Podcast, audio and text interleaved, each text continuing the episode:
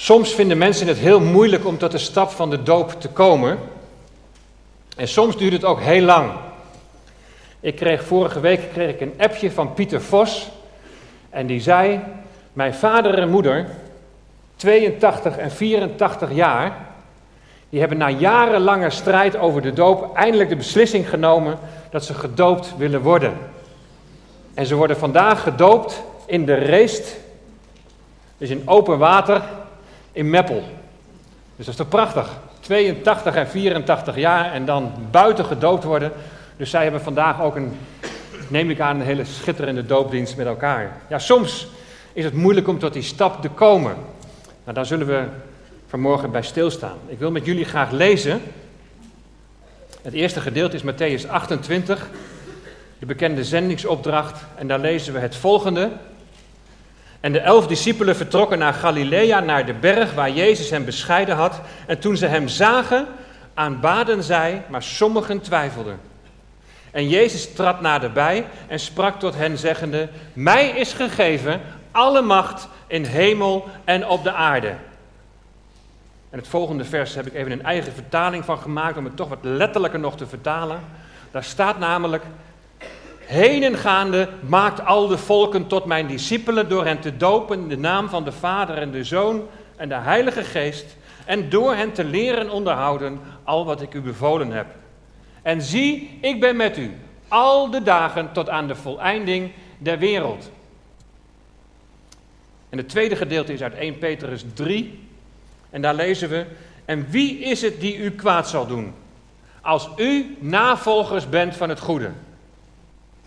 Maar als u ook zou moeten lijden vanwege de gerechtigheid, dan bent u zalig. En wees niet bevreesd zoals zij bevreesd zijn. Laat u niet in verwarring brengen. Maar heilig God, de Heere in uw hart. En wees altijd bereid tot verantwoording aan ieder die u rekenschap vraagt van de hoop die in u is met zachtmoedigheid en ontzag. En heb een goed geweten, opdat in datgene waar zij kwaad van u spreken, als van kwaaddoeners, zij beschaamd gemaakt worden die uw goede wandel in Christus belasteren. Want het is beter te lijden, als God dat wil, terwijl u goed doet, dan terwijl u kwaad doet. Want ook Christus heeft eenmaal voor de zonden geleden. Hij die rechtvaardig was voor onrechtvaardigen, opdat hij ons tot God zou brengen. Hij is wel ter dood gebracht in het vlees, maar levend gemaakt door de geest. Door wie hij ook, toen hij heen ging, aan de geesten in de gevangenis gepredikt heeft, namelijk aan hen die voorheen ongehoorzaam waren, toen God in zijn geduld nog eenmaal wachtte in de dagen van Noach, terwijl de ark gebouwd werd. Waarin weinigen, dat is acht mensen, behouden werden door het water heen. Het tegenbeeld daarvan, de doop, behoudt nu ook ons. Maar niet als een verwijderen van het vuil van het lichaam, maar als vraag aan God van een goed geweten door de opstanding van Jezus Christus, die aan de rechterhand van God is, opgevaren naar de hemel, terwijl engelen, machten en krachten hem onderworpen zijn. Tot zover de schriftlezing.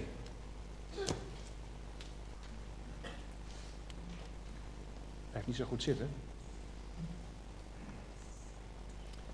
Zoals ik al zei, het thema voor deze morgen is Koninkrijk en doop.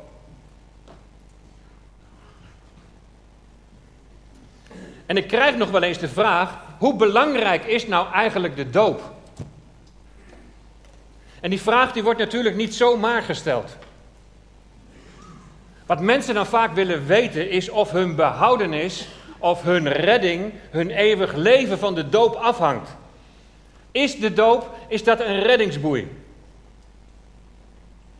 En vaak wordt die vraag gesteld om te kunnen beoordelen of het verantwoord is om de doop nog wat uit te stellen. Of misschien wellicht helemaal te vergeten. Ik heb op vele verschillende plekken, verschillende malen een doopstudie mogen geven.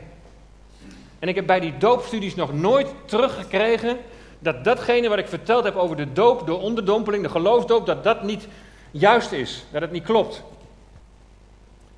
Als mensen zich dan toch niet laten dopen, en dat is ook een ervaring van jaren, dan is het 9 van de 10 gevallen heeft dat te maken met de sociale omgeving. En wat zullen ze ervan vinden? Wat zullen ze ervan zeggen? Is het, is het nou echt wel noodzakelijk? Moet ik er nou zo'n groot punt van maken als ik zie wat het allemaal teweeg brengt? Als ik zie wat het allemaal losmaakt? Wat de gevolgen er allemaal van zijn? Hangt mijn behoud er dan van af? Nou, er zijn twee teksten in de Bijbel die een relatie leggen tussen doop en het woord behoudenis. En de eerste tekst is Marcus 16, vers 16.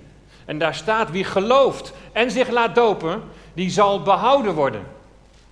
Maar wie niet gelooft, zal veroordeeld worden.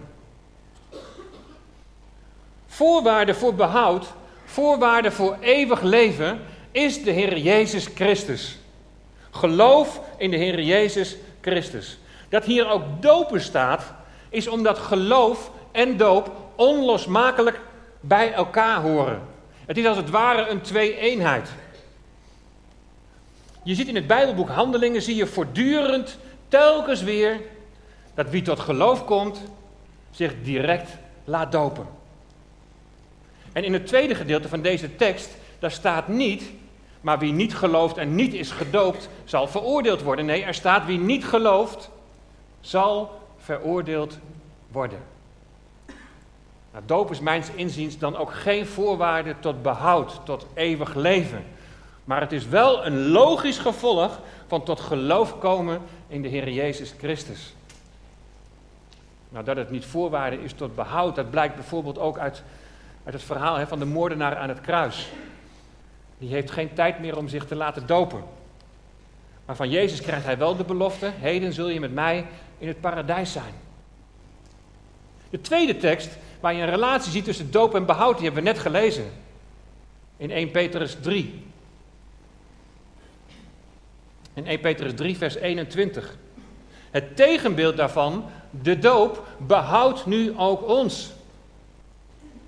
Nou, als we zo meteen naar de betekenis van dat woordje behoud gaan kijken, dan zullen we zien dat in de context waarin het staat, dat het niet betrekking heeft op eeuwig behoud, op eeuwige redding, op eeuwig leven, dat het ook niet slaat op de hemel. Dus geen relatie tussen doop en eeuwig behoud. Nou, misschien zijn de mensen nu wel helemaal opgelucht. Maar is er dan toch reden om, om het uit te stellen? Uit ditzelfde vers en ook uit het voorgaande vers blijkt dat er een relatie is tussen de zondvloed en de doop. En de zondvloed, ja, dat is een specifieke gebeurtenis geweest in de geschiedenis. Nou, laten we eerst maar eens naar die zondvloed kijken als een beeld van, van oordeel, maar ook van redding. Het oordeel van God met de zondvloed over deze wereld. Nou, het voert nu te ver om uit te werken wat er allemaal speelde, maar het was in ieder geval één grote, onreine, rebellerende opstand tegen God. En tijdens het bouwen van de ark heeft God nog geduld gehad, hebben we gelezen. Maar als het oordeel van de zondvloed dan toch plaatsvindt, dan worden slechts acht mensen behouden door het water heen. Die behoudenis, dat gered worden, dat houdt in dat deze acht mensen worden overgezet van een terrein dat onder het oordeel van God ligt, naar een nieuw terrein, naar een gereinigde aarde. Het gaat dus niet over de hemel. Diezelfde betekenis kun je geven aan wat je uitdrukt in de doop. Het beeld van het overgezet worden van, van het terrein dat onder het oordeel van God ligt, naar een nieuw terrein. Het terrein dat onder het oordeel van God ligt, dat is deze wereld. God had de mens de opdracht gegeven om over deze wereld te heersen, om over deze wereld te regeren.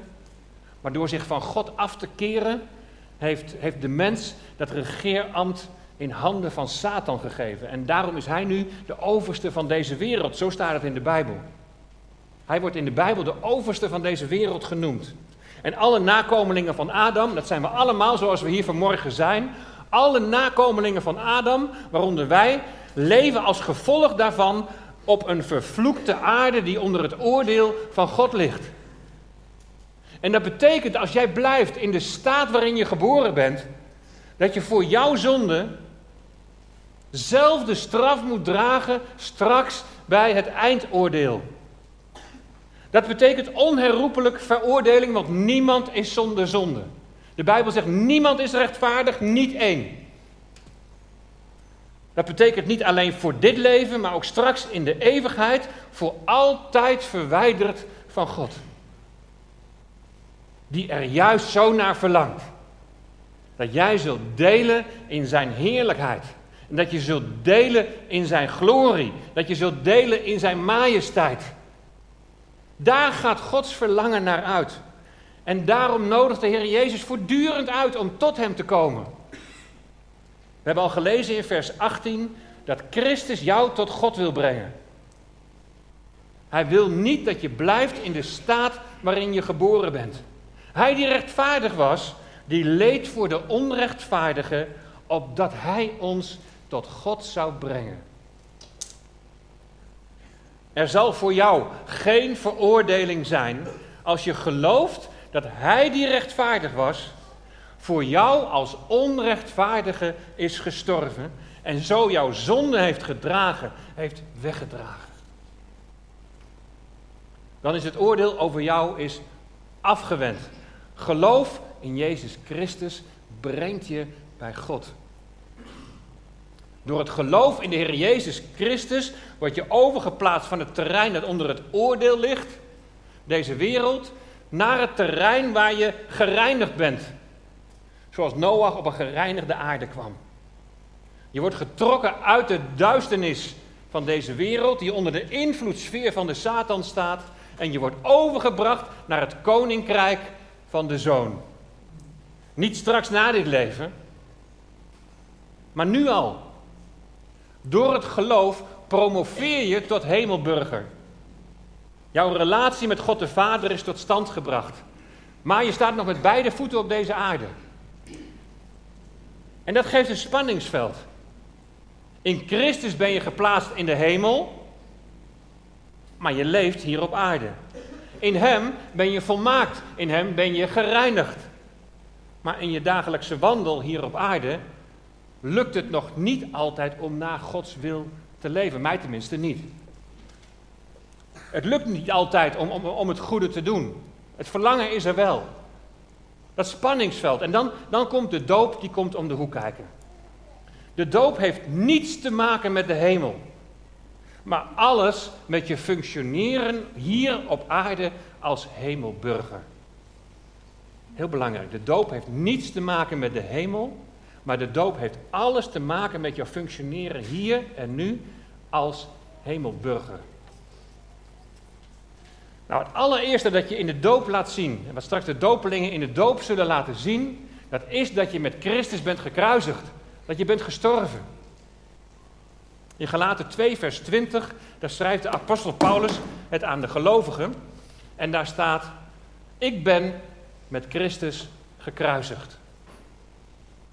Nou, als je gelooft dat Jezus Christus voor jouw zonde in jouw plaats aan het kruis is gestorven, dan ben jij ook gekruisigd. Dan ben je ook gestorven.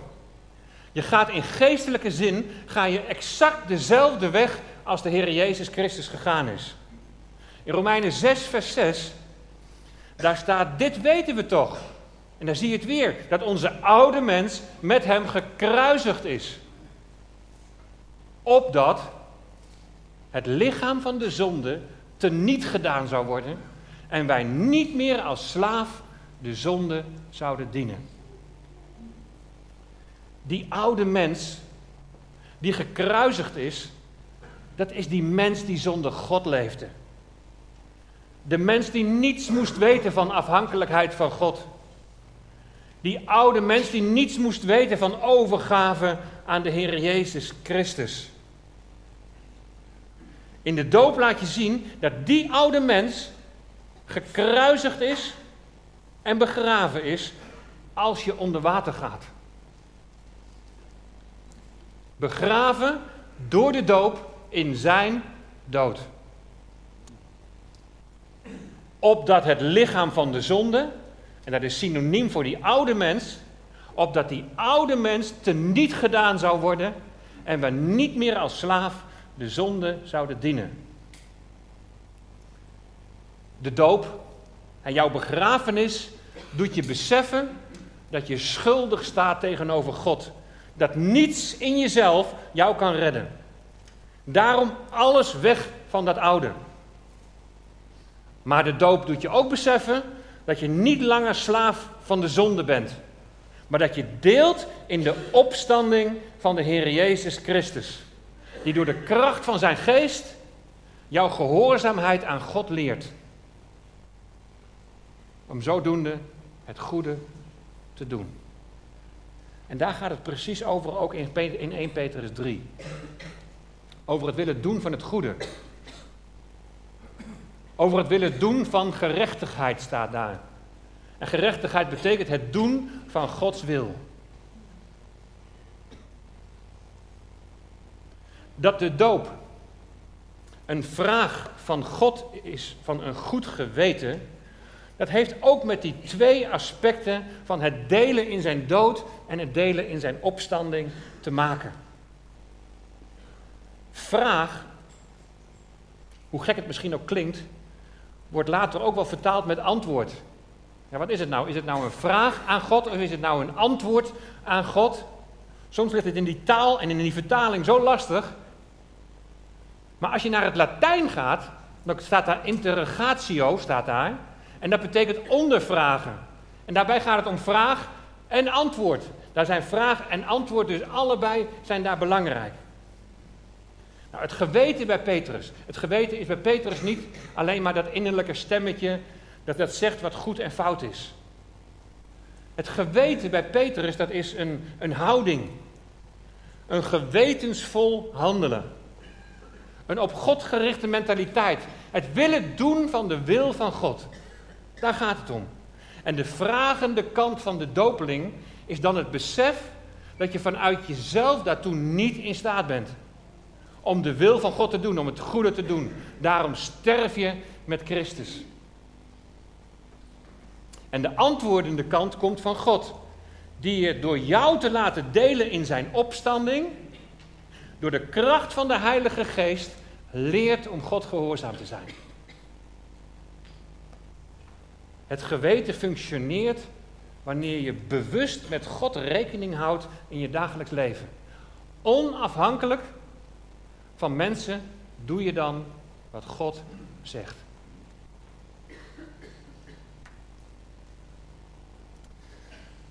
Dan is het niet meer wat zegt mijn omgeving, maar in die doop druk je juist uit dat deel uitmaken van het koninkrijk van de zoon betekent hem gehoorzaam zijn. Doen wat hij zegt. En dat doen jullie vanmorgen. U staat hier in vers 21, ik zei al dat ik erop terug zou komen, dat de doop je behoudt. In de Griekse tekst geeft het woordje behoud iets aan van voortduring. Een voortdurend behoud, een voortdurende redding. De doop herinnert je er bij voortduring aan dat je in het God willen gehoorzamen, in het goede willen doen, dat, er niets, dat je niets van jezelf kunt. Maar dat je door te delen in Jezus' opstanding wel een nieuwe schepping bent geworden die door de Heilige Geest van binnenuit dag aan dag verandert naar het beeld van de Heer Jezus. En zo, op die manier, word je behouden, niet voor de eeuwigheid, maar word je behouden voor je dienst hier op aarde, voor je dienst aan God. De Heilige Geest wil in jou bewerken dat je hier op aarde het leven van een hemelburger al laat zien. Dat je al iets weerspiegelt van wie jij lief hebt van de Heer Jezus. In Matthäus 28, daar hebben de discipelen de opdracht gekregen om te dopen. En daar zien we ook weer die afhankelijkheid van de Heer Jezus Christus. Ik heb deze tekst wel eens een sandwich tekst genoemd. Matthäus 28, vers 19, daar staat: Heen en gaande maakt al de volken tot mijn discipelen, door hen te dopen in de naam van de Vader en de Zoon en de Heilige Geest, en door hen te leren al wat ik u bevolen heb. Een sandwich, dat zijn twee boterhammen met beleg ertussen. Vers 19 is dan het beleg. En vers 18 en 20 zijn dan de twee boterhammen. Die het beleg bij elkaar houden. In vers 18 zegt de Heer Jezus: Mij is gegeven alle macht in de hemel en op de aarde. Nou, dat is koninkrijkstaal. Wat Jezus hier zegt is dat hij exousia, dat hij volmacht, dat hij autoriteit heeft ontvangen. En die volmacht, die autoriteit heeft hij van de Vader ontvangen. Zijn Vader geeft hem volmacht, geeft hem autoriteit in de hemel en op de aarde. Dus alles en iedereen is onder zijn, onder Jezus' autoriteit gesteld. De praktijk is echter dat zich nog niet iedereen onder die autoriteit ook voegt of wil voegen. De praktijk is dat het beloofde koninkrijk voor Israël, met de Messias als vorst, dat het nog toekomstig is. Dat er vrede vanuit Jeruzalem zal komen over deze wereld, omdat de vredevorst daar op de troon zit, dat ligt nog in het verschiet. In die zin is Jezus nog niet koning over deze aarde. Wat is dan de situatie nu? Er zijn discipelen, er zijn leerlingen die de Heer Jezus volgen. Dat zijn wij. Wij die geloven in de Heer Jezus, wij zijn discipelen die Jezus volgen. Die getuigen van de komende koning en we doen dat onder zijn gezag, onder zijn autoriteit. En onder zijn gezag en onder zijn autoriteit, dat betekent dat je het verlangen hebt om hem te gehoorzamen, om te doen wat hij zegt. Daarbij geeft Jezus zijn discipelen wel de garantie, en dat is de tweede boterham van de sandwich in vers 20. En zie, ik ben met u alle dagen tot aan de voleinding der wereld. Je staat er niet alleen voor. Voor de wereld staat hier aion, dat betekent tijdperk. Totdat een tijdperk tot zijn einde zal zijn gekomen. Ik ben met jullie, zou je kunnen zeggen. Tot het moment zal aanbreken dat de tegenwoordige wereld, die onder het oordeel ligt, plaats zal maken voor de toekomende wereld. De toekomende wereld waar alles onder de heerschappij van de Messias zal zijn. Het koninkrijk voor Israël, de Messias die regeert vanuit Jeruzalem en zijn shalom over de hele wereld. Je kunt het je nu nauwelijks voorstellen. Maar het zal gaan gebeuren. We leven nu in die tijd, totdat de Heer Jezus hier op aarde zal regeren. En we leven hier met een geweldige belofte: ik ben met u dat dit nodig is, dat blijkt wel uit de brief die Petrus geschreven heeft. De brief waarin hij gelovigen bemoedigt in het lijden dat ze ondergaan. In 1 Petrus 3, vers 14, daar gaat het over lijden vanwege de gerechtigheid. Dat betekent dat de kans groot is dat jij door het doen van gerechtigheid, door het doen van Gods wil, dat je daardoor zult lijden. Nou, dat lijden naar aanleiding van het doen van Gods wil, dat had ook al tijdens de Reformatie betrekking op de geloofsdoop door onderdompeling. Tijdens de Reformatie sprak Ulrich Zwingli, de reformator uit Zwitserland, een van de leiders daar, die sprak zich in 1523 sprak hij zich uit voor de geloofsdoop. Maar toen bleek dat de stadsraad van Zurich om politieke redenen niet van de kinderdoop af wilde. Kinderdoop betekende immers inschrijving in de stadsregisters. Herzag Zwingli zijn standpunt. Dus als je niet als kind werd gedoopt, dan hoorde je er niet bij, want je werd niet ingeschreven in de stadsregisters. Dat was voor Zwingli het motief om toch van die geloofdoop af te zien. Leerlingen van hem, waaronder Felix Mans, die waren het er niet mee eens. En in 1525 werd de eerste doperse gemeente gevormd in Zwitserland, die zwaar bestreden werd door Zwingli. En hij noemde ze Anabaptisten, wat betekent wederdopers. Maar dat bestrijden, dat ging heel ver. Over lijden gesproken. De eerste martelaar uit de doperse beweging was die Felix Mans. Hij werd in 1527 werd hij omgebracht door verdrinking een symbolische straf voor een wederdoper. Lijden om Christus wil door het doen van gerechtigheid. Door het doen van zijn wil. En wat staat er dan in vers 14 als je dat overkomt? Dan ben je zalig. Dan ben je gelukzalig. Dan ben je een gelukkig mens. Want als je zoiets overkomt en lijden om Christus wil is je deel, dan weet je dat je in het voetspoor van je meester wandelt. In 1 Petrus 2, vers 19 staat dat dit genade is. Als iemand om het geweten voor God dingen verdraagt die hem pijn doen en daarbij ten onrechte leidt. Als je het geduldig verdraagt, zegt Petrus, wanneer je goed doet en daardoor leidt, dat is genade bij God. Lijden vanwege de gerechtigheid. Lijden omdat je Gods wil wil doen. Nou, als je wordt gedoopt, en straks zul je het misschien ook wel horen. Volgens mij zegt Jan het standaard, als er mensen gedoopt zijn, welkom in de strijd. Toch? Ja. Ja. Nou, we hoeven hopelijk niet bang te zijn dat het zo af zal lopen als met deze Felix Mans. Maar we weten wel, als we de Heer Jezus willen volgen in de weg van navolging, dat er strijd zal zijn. En de vraag is, hoe ga je je wapenen als je strijd ervaart om tot die keuze van de doop te komen? Of op andere wijze in je leven strijd ervaart in het doen van Gods wil. Hoe ga je je dan wapenen? En het antwoord daarop vinden we in vers 14 en 15 van 1 Petrus 3. Laat u niet in verwarring brengen. Maar heilig God de Heere in uw hart. En wees altijd bereid tot verantwoording aan ieder die u rekenschap vraagt van de hoop die in u is met zachtmoedigheid en ontzag. Wat is het antwoord als lijden om Christus wil je overkomt? Dus ook in strijd rond de doop. Heilig God de Heere in je hart. Dat betekent hem die heilig is als Heer erkennen. Hem die heilig is als Heer erkennen. Hem de plek in je hart geven die hem toekomt. Hij op de troon van je leven.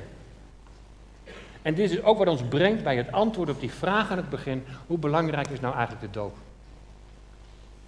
Nou, de doop is allereerst belangrijk om de dood eenvoudige reden dat de Heer Jezus hier opdracht toegegeven heeft. Bij de vraag hoe belangrijk de doop is, gaat het er niet allereerst om wat het jou oplevert, of wat jij door niet te dopen niet zou ontvangen. Maar het gaat er allereerst om dat het de Heer vreugde geeft als jij zijn wil doet. Daarmee erken je, u bent Heer over mijn leven. Ik doe wat u zegt. Daarmee heilig je de Heer in je hart. In de tweede plaats is de doop belangrijk omdat het een schuldbekentenis is.